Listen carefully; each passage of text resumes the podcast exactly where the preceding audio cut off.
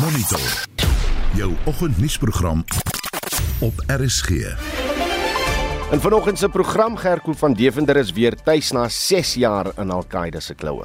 Gerko has been receiving the necessary medical support and is in good health and spirits. Veilige hawens vir mishandelde vroue en kinders styer onder ekonomiese druk. I got three months to find six million rand in this economic crisis. So it's almost impossible. En immigrasie was die afgelope jaar warm onderwerp in Suid-Afrika en kenners meen dit sal gesprekke oorheers in aanloop tot volgende jaar se verkiesing. Welkom by Monitor, die span vanoggend in die ateljee se redakteur Wessel Pretoria, ons produksieregisseur is Johan Pieterse en ek is Oudo Karelse.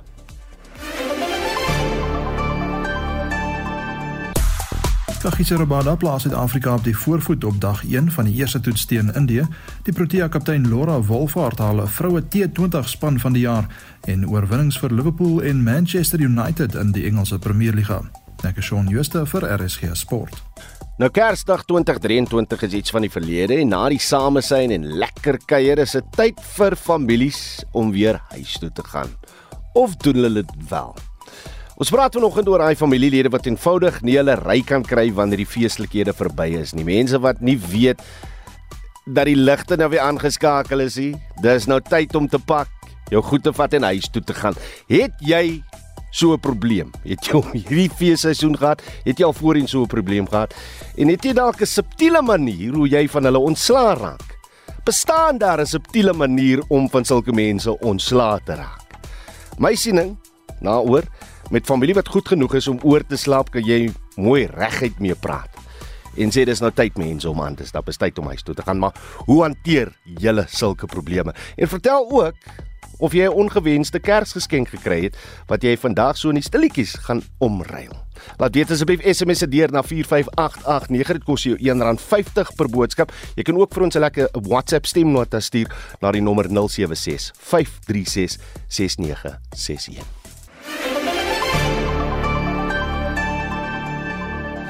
Byna 9 minute oor 6. Die ontvoerde Suid-Afrikaanse paramedikus Gerko van Deventer is na 6 jaar in aanhouding terug in die land. Van Deventer uh, van Deventer is in November 2017 in Libië ontvoer.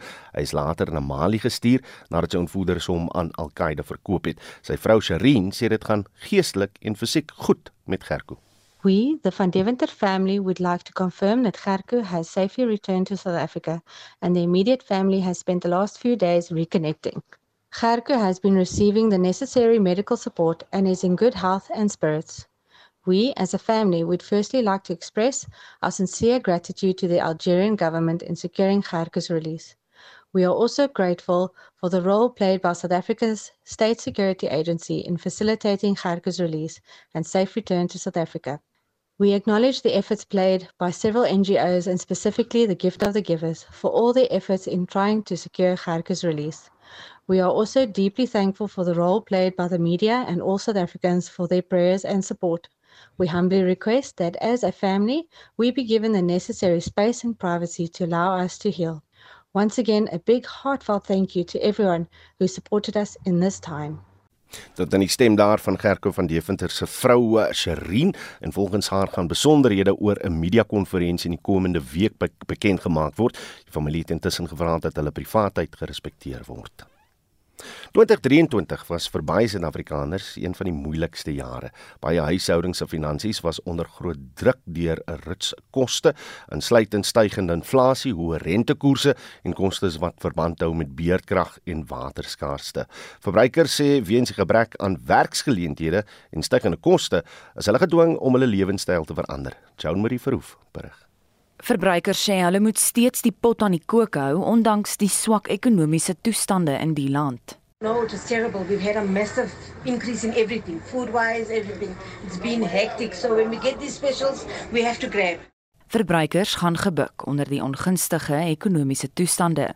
Die derde kwartaal se skuldindeks deur Debtbusters skets 'n donker prentjie oor huishoudelike finansies. Die indeks toon dat die skuld tot inkomste verhouding hoog en onvolhoubaar bly vir diegene in die top-inkomste groepe. Die produkhoof van geïntegreerde advies by FNB, Esther Osher, moedig verbruikers aan om hulle geld slim te bestee this is specifically a year that we need to be very cautious, specifically in light of the high inflation as well as the high interest rate. However, there is still an opportunity to find a bargain and stock up for the festive season or get ready for school year next year.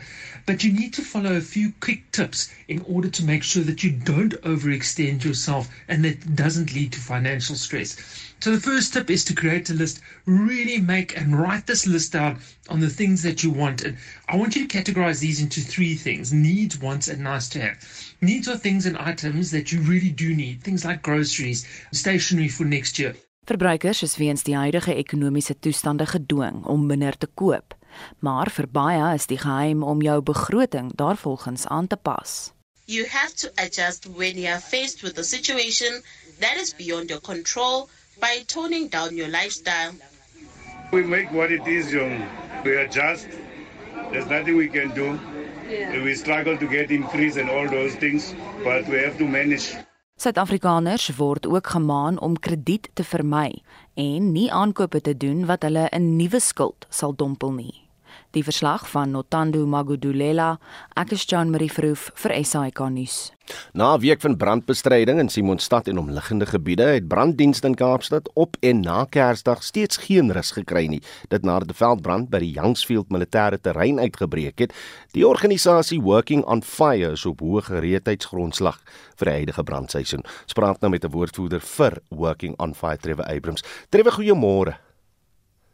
Goeiemôre, goeiemôre. Kom ons begin net eh, deur deur jou verduideliking oor waar working on fire inpas by ons gewone brandbestryders.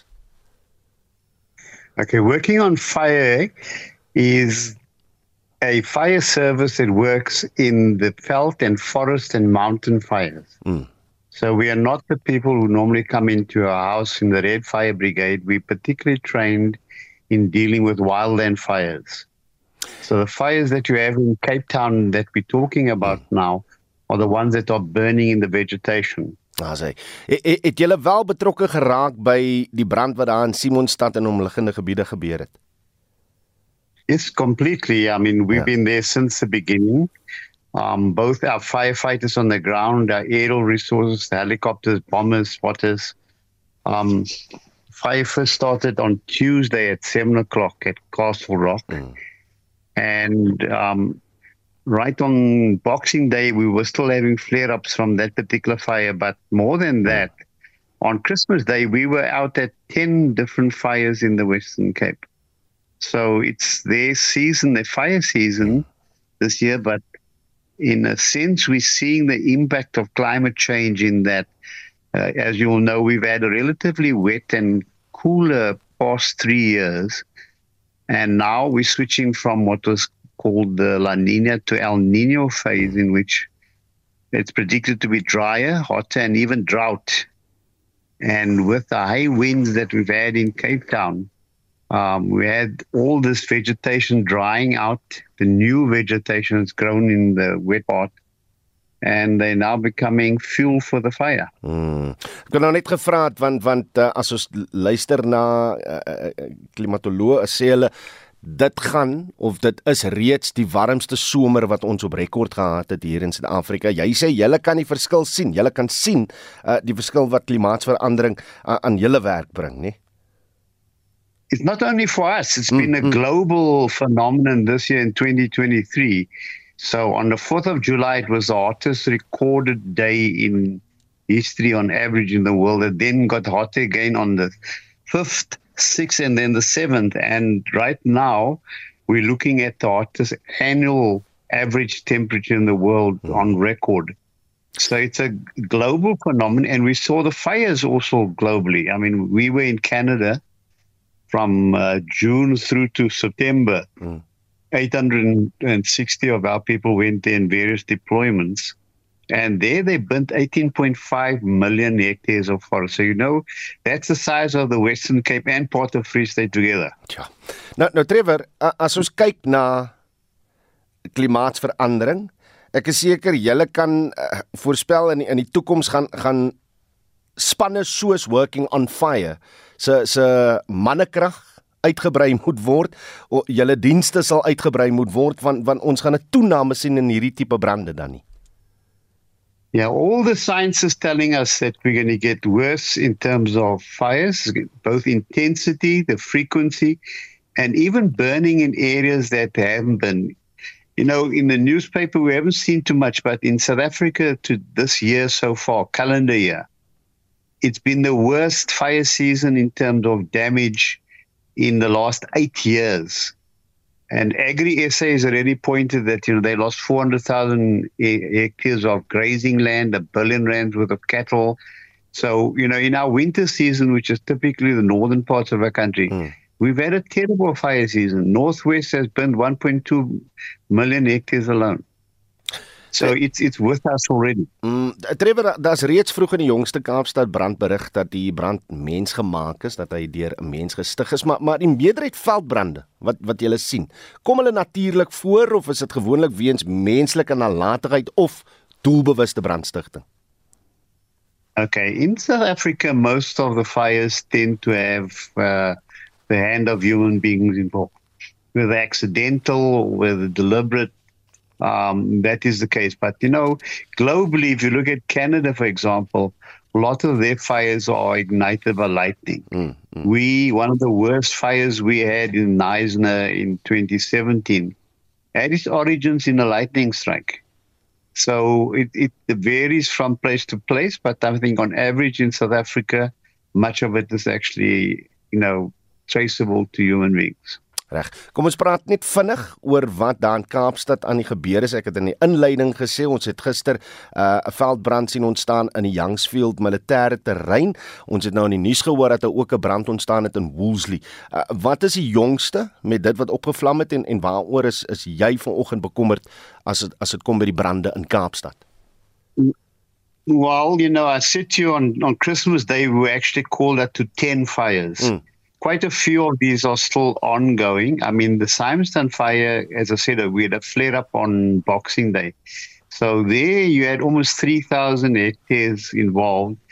And mop up activities are likely to go on for another week at least, because, you know, with that large area that's burnt, all over there you're going to find embers and bits of uh, vegetation that's still smoldering, that still has to be mopped up. So Lots of these large fires require mopping up. The Outbay fire has been ongoing and flaring up. Uh, yesterday evening, quite late in the day, we had helicopters called out for the third time to this fire on the mountainside there. So we have night crews that are working on these fires, and then we have day shifts that are still going on. And the larger ones are still requiring quite a bit of mopping up. Trevor Abrams is die woordvoerder vir Working on Fire. Nou baie Suid-Afrikaners ervaar tans ekonomiese druk veral nou tydens die feesseisoen. Dit is ook die geval met organisasies wat hulp aan die mees kwesbare groepe van die samelewing verleen. Veilige hawens vir mishandelde vroue en kinders is ook van die uh, wat swaar trek. SAK nuus het so 'n organisasie in Kaapstad besoek en Celine Merrington het die verslag saamgestel. Die statistiek skets 'n donker prentjie. Volgens die nuutste misdaadsyfers wat die polisie aan die parlement voorgelê het, is 900 vroue tussen Julie en September vanjaar vermoor. 1500 sake van poging tot moord is aangemeld en meer as 14000 aanrandings. Gedurende dieselfde periode is meer as 10000 verkrachtings aangemeld. Die aanslag teen vroue en kinders is al die tweede pandemie gedoop in ons land en tog lyk dit of die regering nie die ewel onder beheer kan kry nie. 'n Woordvoerder by die Saartjie Baartman skuilings in Kaapstad, Bernadine Butcher, sê die regering se intervensies is nie effektief genoeg nie. We often hear and it comes out of presidential summits on GBVF that GBV has been characterized as a second pandemic by our president. And we often hear that it is a high priority and that we have to fight it and we're going to eventually eradicate the scourge of gender based violence. However, I'm not seeing that translate into what's happening on the ground. En alhoewel die skuilings een van die beter toegerustes is, sê Bacha dit word al moeiliker om befondsing in die hande te kry. It's an exceedingly concerning time to be in management of particularly a shelter. Economic crisis is having a huge impact on us with all our other funders. And to now hear that we're looking at budget cuts potentially from the Department of Social Development is devastating. It really is. Skuilings probeer om te doen wat hulle kan met beperkte hulpbronne. Vir twee vroue by die skuiling, Janine Norris en Yolanda Festers, is die diens meer as net 'n lewensboei. Before coming here, I was totally broken. I don't have matric currently. I don't have any qualifications. So because I'm in the sewing room, I'm going to be studying for a qualified machine. The site department has offered to help me with that. It's so important for women to have some sort of a safety plan and be prepared. It's so hard to get out of that situation when you're in it, and it's so hard for people to not judge you, to not judge you. There are other centers out there. I don't feel that it's not enough to just have a place for women so they can feel safe. You know, here at Side Department, they offer you a hand up, not just a hand out. I'm blessed being here by Side Department. Just being able to give my kids the love, the attention they need, and the therapy they need. It's only through the grace of God being here with them, give them a hug, talk to them, understand them, and being there for them. And it's only through the grace of God. And I can only thank the staff, SARC department for the shelter, for me my kids. Bachar sê met kennisgewings dat befondsing selfs meer besnoei sal word, is sy bekommerd oor die toekoms. I'm sitting here thinking, where am I going to find that money if it's not going to come from DSD? I've got three months. I've got three months to find six million rand in this economic crisis. So it's almost impossible. Dit was die bestuurder by die Saartjie Baartman skuilings vir vroue en kinders binne die Bachar, Zelin Merrington, Parlement. Immigrasie was die afgelope jaar warm onderwerp in Suid-Afrika en sal gesprekke oorheers in aanloop tot die 2024 algemene verkiesing. Die kwessie het ook in die hof gedraai toe die Departement van Binnelandse Sake versoek is om die immigrasiestelsel te hersien. Nou die doel van die wetskrif oor burgerskap, immigrasie en vlugtelingbeskerming is om 'n samehorige en doeltreffende beleidsraamwerk te skep. Nog 'n kwessie wat ook die nuus oorheers het, was die verlenging van spesiale permitte agente vir Zimbabweërs en Basutos wat in Suid-Afrika werk en die amptelike bekendstelling van die grensbestuursowerheid wat die dikwels poreuse landgrense moet monitor. John Marie Verhoef het vir ons die storie. In Februarie vanjaar het die Hooggeregshof in Pretoria aan 22 Afghane wat van die Taliban gevlug het, toegang tot Suid-Afrika verleen op asieltransietvisums tot groot ontsteltenis van die Departement van Binnelandse Sake wat probeer het om die aansoek te verwerp. Dit is een van die vele regsterugslae wat die departement vanjaar gelei het. Nog 'n terugslag was toe die konstitusionele hof die grondwetlike ongeldigheid van dele van die wet op vlugtelinge verklaar het. Regter Steven Majid het die eenparige uitspraak gelewer en sê dele van die wet op vlugtelinge maak inbraak op die basiese menseregte van asielsoekers. Further, the impugned provisions violate a number of constitutional rights. They violate the right to dignity by cutting asylum seekers off from essential services needed for a dignified life like banking, education, and healthcare. They also expose asylum seekers and their children to a constant risk of arrest, detention, and deportation in contravention of the rights to life and personal liberty. All this simply because a visa has not been renewed. Artikels 22 hoofstuk 12 en 22 hoofstuk 13 is ingesluit in die Wet op Vlugtelinge deur middel van die Wysigingswet op Vlugtelinge 11 van 2017. Dit was 'n poging om die agterstand in aansoeke deur die departement aan te spreek. Dit is om die rede dat die minister van binnelandse sake, Dr Aaron Motsoaledi, die wetskrif oor burgerskap, immigrasie en vlugtelingebeskerming bekend gestel het. Die wetgewing poog om die land se migrasiestelsel te hersien. Die publiek kon reeds vanaf 1 November kommentaar lewer op die wetsontwerp. Dr Motsoaledi verduidelik. Many countries around the world make these reservations as provided for by both the convention and the protocol. South Africa, unfortunately, did not make any of these reservations as other countries did. And we believe and we emphasize it was a serious mistake on the part of government. It is not surprising that South African courts develop jurisprudence regarding asylum and refugees in the absence of these reservations and exemptions, and that the jurisprudence that has been developed is always unfavorable to the interest of the state. Die departement het in die howe tekort geskiet met sy pogings om die Zimbabwese spesiale permitte in Junie vanjaar te beëindig. Dit is verskeie keer uitgestel. Die pogings is deur die Gautengse Hooggeregshof afgewys nadat die Helen Suzman Stichting tot die stryd toegetree het. Die departement het die appelhof genader in 'n poging om finale einde te bring aan die permitte. Intussen het Motsoaledi nog 'n verlenging van 2 jaar aangekondig van spesiale permitte aan Zimbabweërs en Basutos. Die besluit raak ongeveer 55000 burgers van Lesotho en 178000 Zimbabwese burgers wat in Suid-Afrika woon. Motsoaledi sê permithouers van albei lande wat om kwytskelding en visums aansoek gedoen het, sal nie vernuwes hofaansoeke te doen nie. Out of those who have got waivers, 10,427 applied for other visas. You remember that was the reason for this whole exercise. That apply for any one of the 17 visas because we are ending this special dispensation which we used to get. But those who did not apply for the waivers, there's nothing we can do. They need to go to VFS and start all over again. It's not my fault. We have given them the opportunity. We extended it many times, as you know.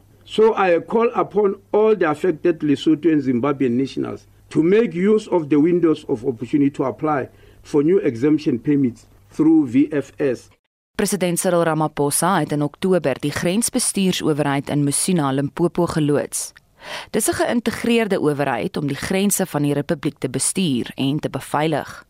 Ramaphosa sê die owerheid is nodig om 'n aantal ernstige uitdagings, insluitend 'n toename in die aantal ongedokumenteerde buitelandse burgers wat die land binnekom, te beheer. Dit lei tot baie van die maatskaplike en ekonomiese probleme en stygings in kostes vir individue en maatskappye. Border Management Authority will be a new model of integration of functions, of integration of roles and responsibilities in the broader law enforcement environment. The BMA is expected to tackle the challenges of congestion, delays that often happen at our borders, long queues, long transit times, lack of predictability, and high logistics costs. Die mees verwoestende slag vir die departement van binnelandse sake was 'n persoonlike kostebevel wat verlede maand aan die minister en direkteur-generaal Livuani Makode toegedien is omdat hy 'n hofbevel ten opsigte van die aanhouding van ongedokumenteerde migrante geïgnoreer het. Die bevel het bevind dat sekere afdelings van die immigrasiewet ongrondwetlik is en die Hooggeregshof het die parlement 24 maande gegee om die wetgewing te wysig. Dis hierdie kwessies wat politieke partye na verwagting in die aanloop tot die 2024 verkiesing gaan melk wat selfs meer druk op die departement kan plaas. Die verslag deur Bosie Chimombe van ons politieke redaksie. Ek is Jean Marie Verhoef vir SAK nuus. Jy luister na Monitor. Elke weekoggend tussen 6 en 7. 6:30 en hier is wat voorlê in die res van die program. Opposisiekandidaate in die Demokratiese Republiek van die Kongo eis 'n herverkiesing. Ons praat met 'n kenner en die bekende kersliggies in Oeverstraat in George brand vanjaar vir 'n ekstra spesiale rede. Bly ingeskakel.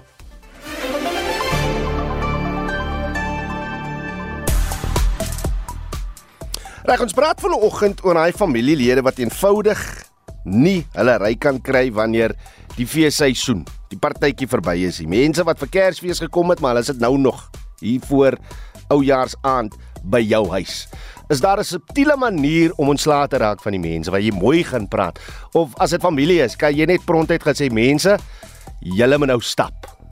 Wat is jou raad? Het jy al so iets uh verduur en wat was jou benadering geweest op die SMS lyn skryf uh Stella Barnard van Kimberley, daarom nou nie familie uh wat sulke gedrag het nie, maar wel vriende uh gehad. Hulle sal bly tot die dood intree. En dan sê Stella, hulle is nou nie meer vriende met daai mense nie. Kyk met met vriende jy mos nou 'n keuse. Familie minder so, dan nie. En dan skryf naamloos, uh die kos is op. So sal die kuiergaste die skamp vat en huis toe gaan. En dan sê iemand anders net vinnig uh, bietjie van 'n ander kwessie. Môre Oudo, ek was by familie uitgenooi vir ete waar almal die hele tyd besig was op hul selfone. Daar het ek net geen gesprekke met enigiemand gehad nie en na 2 ure het ek vroegtydig huis toe gegaan. Soos hierdie luisteraar. Amen. Ek sou presies dieselfde gedoen het. Samesyn is mos samesyn anders kon ek van die huis af vir jou WhatsApp gestuur het. So daarvan gepraat, stuur vir ons nog van net ter, uh, terugvoer julle WhatsApp stemnotas na 0765366961 of stuur vir ons 'n SMS na 45889 dit kos jou R1.50 per boodskap. Regson, jy is te staan gereed met die jongste sportnuus môre, Shaun. Goeiemôre, Oudo. Ons gaan begin met cricketnuus en ek moet sê ek's eintlik bietjie teleurgestel in die manier hoe dag 1 teen Indië geëindig het. Ja, die Proteas het natuurlik in dit gister gewen en in die gevra om eerste te golf en ek sien die snelbouler Kagiso Rabado lyk na sy ou self hy vyf paadjies vir uh, 44 lopies pad getrek. Dis die 14de keer dat hy dit reg kry om vyf paadjies in enkel beurt plat te trek. Maar dis die eerste keer teen Indië en die besoekerskolf later vanoggend dan voor op 208 vir 8. En ja, die Proteas sal graag voor etenstyd wil voorkolf uh, of eerder begin met hulle beurt, maar de, van gister se van gister se spel kon ons sien dat die golf wat nogal baie bystand lewer aan ons bowlers. Hmm. So ek dink die telling is so beroerd soos lyk op die oomblik nie en as ek so ons uh, span ons elftal kyk hoe dit dan ja, ek het baie hoop vir 'n groot telling teen die in die bowlers nie. Ja, ek ek dink 220 da, dan net jy verhoed dat hy hy wedstryd weghardloop van jou af. Maar da daar's ook 'n dag 2 van die tweede toets tussen Australië en Pakistan. Wat is die jongste telling daar? Ja, in Melbourne is dit dag 2 van die tweede toets tussen uh, die Aussies en Pakistan en die Aussies is vanoggend vir 318 en hulle eerste beurt uitgehaal en Manus Labuschagne soos die Aussies sal sê 63 aangeteken en Pakistan staan op 68 vir 1 en hulle eerste beurt met uh, tee wat geniet word. Ah, sy groot eer aan ons uh, Proteas vroue kaptein Lore Wolfhard. Ja, die aanlyn publikasie One Cricket het hulle vroue T20 span van die jaar eh, bekend gemaak en die Protea kaptein Nora Wolfhard is ingesluit. Daar is 230 lopies vroeër die jaar in die T20 wêreldbeker toernooi op plaaslike bodem aangeteken. Waar Suid-Afrika natuurlik die eindstryd gehad het en ook byna 600 lopies in 2023 bymekaar gemaak. Reg, die Engelse Premier League het 'n paar interessante uitslae opgelewer gisteraand. Ja, Sheffield United verloor 3-2 teen Luton na twee eie doele diep in die tweede helfte en uh, Newcastle United word met 3-1 deur Nottingham Forest verras. Onder het volle met 3-0 geklop en uh, Liverpool wen weg 2-0 teen Burnley. Nou, hulle is nou op 'n punt verloor op 42 punte en dalk nie noodwendige groot verrassing maar vir my 'n groot verrassing Manchester United wat 'n uh, 3-2 oorwinning oor Aston Villa behaal. En dan net vanaand se drie kragmetings is half 10 Brentford teen Wolves, Chelsea teen Crystal Palace en dan kwart oor 10 Everton teen Manchester City. En in die DStv Premier League takel maar daar die Sundowns en Morocco Swallows mekaar uh, vanaand half 8. Ons Shaun Jooste kan ook skamp gooi, né? Shaun Jooste daar van RSG Sport. Liewe Desember lief. Finale uitslaa in die omstrede verkiesing in die Demokratiese Republiek van die Kongo word einde van dese week verwag. Die stemproses is reeds vir 'n week gekenmerk deur vertragings en beweringe van bedrog. Gedeeltelike uitslaas wel die naweek ontvang, maar kiesers in landelike gebiede het tot gister nogal krisis getrek. Opposisiekandidaate eis 'n herverkiesing terwyl baie dit as totale chaos beskryf. Ons praat nou hieroor met Solidariteit se hoof van inter, van internasionale betrekkinge, Jaco Kleinens. Môre Jaco. Goeiemôre Oudo. Kom ons bring eers die situasie tot op hede. Jy mag tans glad nie eers 'n protesoptog hou teen die onreëlmatigheid van die verkiesing nie want dit het die regering verban verstaan ek. Jy is heeltemal korrek. Ja, die adjunk uh, eerste minister het gisteraand uh, die aankondiging gemaak dat geen protes nou toegelaat sal word nie. Nou dit nadat vyf uh, oppositiekandidaate uh, eintlik protesoptrede vandag in Kinshasa beplan het. Hulle wou eintlik maar probeer het om 'n uh, bietjie lig te werp op op die chaos van die afgelope week, die feit dat die verkiesingsresultate nie bekend gemaak word uh, die, uh, gereeld nie, dat daar bitter min inligting bekend is oor hoeveel mense gestem het, uh, uh, waar al die probleme en foute was. Ja, en die regering wat nou sê dat hulle sal eenvoudig geen protesoptrede dalk nie daar is uh veiligheidsmagte uh gisteraand en deur die nag uh na van jou groot stede versprei. So ja, heelwat vrees natuurlik vir vir meer konflik en geweld oor die volgende paar dae. Mm. In sulke situasies sal die verkiesingskommissie natuurlik deurentydds uh media konferensies hou net om mense te verwittig oor oor verwikkelinge daar. Is dit wat gebeur is? Wat is hulle reaksie op op hierdie sogenaamde chaos? Ja, kyk, ek dink dit is juist die probleem Oudo, daar is ehm um, sulke beperkte kommunikasie en in inligting wat bekend gestel word. Daar was maar eintlik die afgelope week sedert uh, die verkiesing nog net een keer uh, regtig waar kommunikasie deur die verkiesingskommissie. Dit is toe hulle uh, begin het om resultate bekend te maak. Jy weet daar's 40 miljoen mense geregistreer gewees om te stem in die DRK. Uh, tot dusver is minder as 3 miljoen stemme se uh, se uitslag bekend gemaak, maar die verstommende is dat die verkiesingskommissie 'n week na die verkiesing vir ons sê dat hulle weet nog steeds nie hoeveel mense het gestem nie. Hmm. Hulle kan glad nie sê wat die stempersentasie was nie. Hulle het geen idee hoeveel mense gestem het nie. Uh daar is met ander woorde baie swak kommunikasie nou ja, dit ehm um, uh bevestig eintlik maar net uh, alles wat oppositiekandidaate gesê het, dit wat verkiesingswaarnemers gesê het. Ehm um, ons sien onder andere dat die leier van die Katolieke Kerk in die DRK gister gesê het dat die gebeure die afgelope week eintlik na die verkiesing eintlik maar net die kerk daar se gevoel bevestig bevestig dat hierdie verkiesing eintlik totaal en al ongeldig was. So op hierdie tydstip kan mense nie eers sê of almal wat geregtig is om te stem eintlik die geleentheid gekry het om wel 'n krisis te maak nie.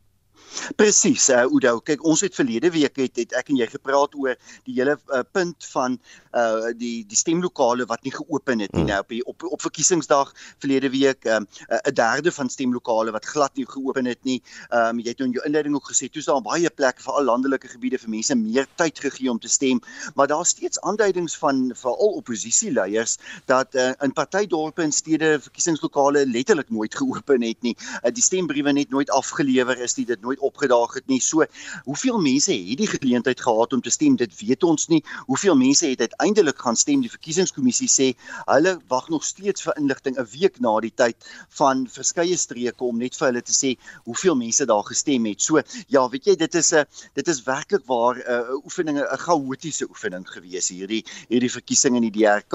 Ehm um, en en en dit bevestig ongelukkig die die ongeluk die problematiese kultuur wat daar nou maar oor jare in die DRK was om regtig vry en regverdige verkiesings aan te bied. Is daar in in jou mening genoegsame samewerking tussen al die oppositiekandidaate en partye om die regering in 'n hoekie te eh, te te dwing oor hierdie verkiesing? Is daar 'n eenparigheid oor dat daar 'n herverkiesing moet wees? Kyk, daar's nou 'n bietjie meer eenparigheid tussen hierdie oppositie uh kandidate oor oor die oor die chaos van die verkiesing en dat hulle eintlik wil hê hierdie verkiesing uh ongeldig verklaar moet word en dat daar 'n herverkiesing moet plaasvind. Mens sien eintlik die afgelope paar dae in die kommentaar dit word veral gelei deur die hoofoposisieleier Moisi Katumbi um uh, wat op op die oomblik op so 15% staan in die resultate wat bekend gemaak is. Maar ja, die probleem is dat hulle natuurlik nie voor die verkiesing saamgewerk het hmm. nie. Hulle het nie toe uit 'n uit 'n gesamentlike uh, stem gepraat nie. En ek dink dit is 'n uh, deel van die van die politieke karakter in in die DRK ongelukkig gewees in aanloop tot hierdie verkiesing. 'n groot hoeveelheid kandidaate. Jy weet uiteindelik hulle het begin met 25 presidentskandidaate. Daar was uiteindelik 18 oppositiekandidaate gewees. Um, en die stelsel in die DRK bevoordeel eenvoudig die persoon wat eerste eindig. Nie net vir die president nie maar natuurlik ook in die streeksverkiesings. Kyk hierdie was presidentsverkiesings streeksverkiesings en plaaslike verkiesings wat alles op een dag plaasgevind het. En in al hierdie gevalle is die persoon wat eerste eindig die wenner al wen jy nou net 10 of 15% van die stemme as jy eerste eindig, uh, wen jy en ons sien dit ook in die resultate wat reeds bekend gemaak is in die verskillende streke. So dink jy almal gaan maar nou net wag om te sien wat die finale uitslaa is? Wat wat dink jy gaan die volgende stap wees in hierdie storie? Ek dink ons moet vandag dophou verseker. Kyk nou, uh die oppositie leiers het het hierdie uh protesoptrede vir vandag beplan. Um en daar is natuurlik vrese dat daar vandag geweld kan uitbreek as mense probeer om te betoog um en die polisie probeer om dit te onderdruk. So uh, ek dink daar kan vandag waarskynlik geweld plaasvind. Kyk, daar was heelwat geweld ook in aanloop tot hierdie hmm. verkiesing gewees. So dit is bietjie die plaaslike element wat ons nie die oog moet verloor nie, is die spanning tussen die DRK en sy oostelike uh burgers, jy weet. En veral natuurlik bure, natuurlik veral Rwanda. Ehm um, Rwanda wat uh, reeds betrokke is in die ooste van die DRK, sommige groepe daar ondersteun. Daardie spanning het die afgelope tyd toegeneem, veral die Oos-Afrika lande wat skerp kritiek uitgespreek het, ook Kenia teen wat in die DRK gebeur en uiteindelik kan um, hierdie chaotiese verkiesing weer bydra tot hernieude geweld in die ooste van die DRK. Ek dink dit is die groter uh, konflik wat wat ons moet vrees en dat dit miskien oor die volgende paar weke kan ontwikkel. Solidariteit se hoof van internasionale betrekkinge, Jaco Kleinhans. Minder bedankings en gelukkiger werknemers is van die uitkomste van die 4-dag werksweek proeflopie hier in Suid-Afrika. Nou die nuwe manier van werk wat reeds met sukses internasionaal getoets is, is van Junie tot November vanjaar hier in Suid-Afrika op die proef gestel. Aanbinne Eckart het vir ons die besonderhede wat hulle wil bereik is om verminderde werksure te hê ongeveer 80% met behoud van 100% salaris en 100% produktiwiteit. Dit is die uh, ideale uitkoms waarna hulle soek. En dan as jy kyk na die uitkoms van die studie, uh, was dit oorhoofs positief, maar ons moet onthou dat hierdie was 'n omgewing wat in beginsel 'n fleksie omgewing is en hulle het uh, eintlik net 25 werkgewers eh, 'n uh, toets opgedoen uh, waarvan met uitsondering van een almal onder 100 werknemers in diens het. Vraag is natuurlik weet wat kan ons daarvan maak? Uh, en natuurlik ek dink die beginsel is dat in 'n fleksie omgewing uh behoort mense in elk geval uh meer in staat te wees om na hierdie mikpunte te kyk uh, in die groter omgewing van waar mense in myne of in 'n fabrieksomgewing werk is dit natuurlik 'n ander vraag want die oomblik wat jy praat van 'n 80% werksure beteken dit as jy 'n drie skofstelsel het, moet jy ekstra skof inbring. En dit gaan natuurlik oor kostes en ons werk in 'n omgewing waar werkgewers hoofsaaklik gedruk gaan onder koste van WSkom en Transnet en so meer. Uh, en dat die fokus waarskynlik by hulle eerder sou wees, ek praat van die groter werkgewer op die uh, voorkoming van afleggings. En ek dink dis dis waar ons fokus moet wees. Ehm um, so ja, hier is 'n relatiewe uh, positiewe uitkoms. Daar is natuurlik vrae hieroor en die aanpasbaarheid en langtermyn werking daarvan. Hoe affekteer dit vryskut personeel? Wat beteken dit vir hulle want ek meen as hulle minder werk, kry hulle minder geld. So hoe affekteer ja. dit dan hulle? Dis 'n baie goeie vraag want dit is presies reg dat as jy kyk na die sogenaamde subkontrakteurs of mense wat nie werknemers is nie, met ander woorde jou tipiese vryskut mense. Hulle word doeteenvoudig betaal vir die ure wat hulle werk. So hulle is in elk geval op 'n fleksietyd en as hulle werk, hulle geld, as hulle nie werk, hier hulle nie geld nie. Hierdie is gebaseer op uh, mense wat 'n voltydse of uh, al is dit nie voltyds nie, maar wat in permanente diens is. So die fokus was in daai kategorie en nie op die mense buite die normale werksure scenario's nie. Waarvoor sal hierdie tipe data gebruik word? Soos sal dit moontlik gebruik word om wetgewing te verander of sal dit dalk verkiesings beïnvloed in die toekoms? Natuurlik is daar sekere instansies of politieke partye wat eh, meer klem op werknemerregte, ander meer op werkgewerregte of meer op die ekonomie en so meer so dit hang af van hoe hulle verkiesingssamestelling lyk die mense van die kiesers eh, vir buite dit vir buite die uh, politieke raamwerk uh, hoe gaan dit ons raak?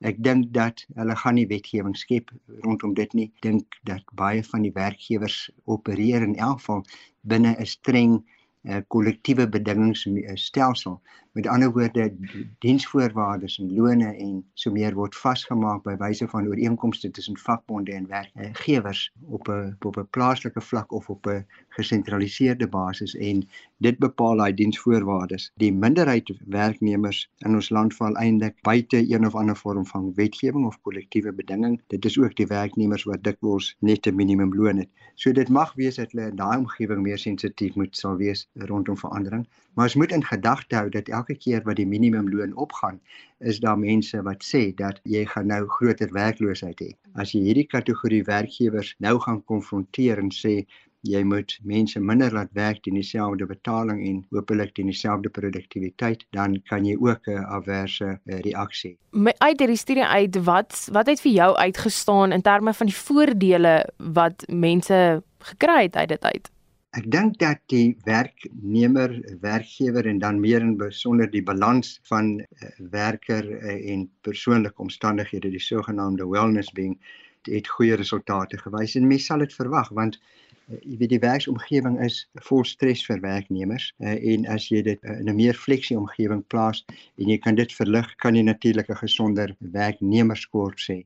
As 'n mens kyk na hoe kunsmatige intelligensie nou eintlik werkslading vir party mense ligter maak, dink jy dit sal ook 'n rol speel in hierdie 4-dag werksweek? Baie uh, ongetwyfeld. Ek dink dat toenemend het jy daardie aspekte dat tegnologie in een of ander vorm van vernuwing of dit binne die AI konsep is of net dit eenvoudig binne die ontwikkeling van tegnologie in die algemeen net so bewyse van masjinerie of andersins gaan altyd 'n impak hê en meer in besonder die risiko van werkloosheid. Clinton het destyds gepraat oor die sogenaamde jobless growth.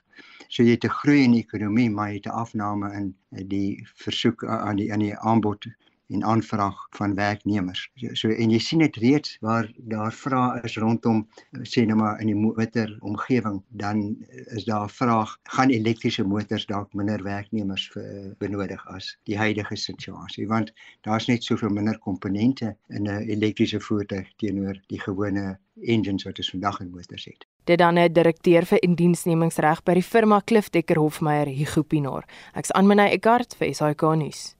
Die wêreldbekende epidemioloog wat ook as raadgewer vir die regering tydens die COVID-19 pandemie gedien het, professor Salim Abdul Karim, het in sy boek Standing Up for Science 'n paar skokonthulings gemaak oor Suid-Afrika se reaksie tot die pandemie, veral in die stryd om COVID-19 en stowwe te verseker.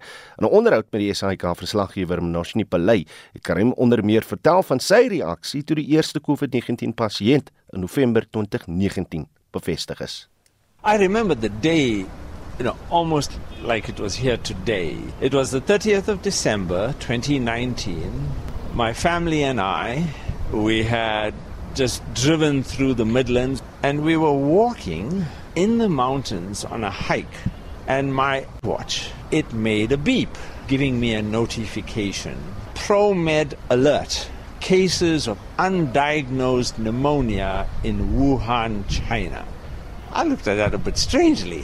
What is this message about? And I thought, ah, oh, might be a few cases of SARS, nothing to get worried about. The Chinese know they've dealt with it before, no big deal. Fast forward to March 2020, several countries around the world had already begun to confirm COVID positive cases. And then, right here in KwaZulu Natal, South Africa confirmed its first COVID 19 positive patient. So once I learned about the sequence of this virus, I knew that there was a potential threat. But I think I was still in a bit of denial. Maybe this virus won't spread as fast. On the 5th of March, there's the announcement. Couple who just come back from Italy. My denial was truly and completely washed away. And that meant we went into action mode. Wetenskaplikes en farmaseutiese maatskappye het dadelik begin met die ontwikkeling en vervaardiging van entstowwe. Karim sê die kommer was egter dat ontwikkelende lande soos Suid-Afrika agter in die tou was vir die uitrol daarvan en dat die maatskappye ontwikkelende lande kan uitbuit. South Africa didn't do well enough. We wanted to support COVAX. COVAX was the mechanism set up by the World Health Organization to create equitable distribution of the vaccine. As a country, we did not need to align ourselves with company X or company Y. But once we decided to go with COVAX, our country equivocated. We had a deadline to make our first payment in September of 2020. We missed that deadline. We were given a 30 day extension. We missed that deadline. That meant we were now at the back of the queue in COVAX.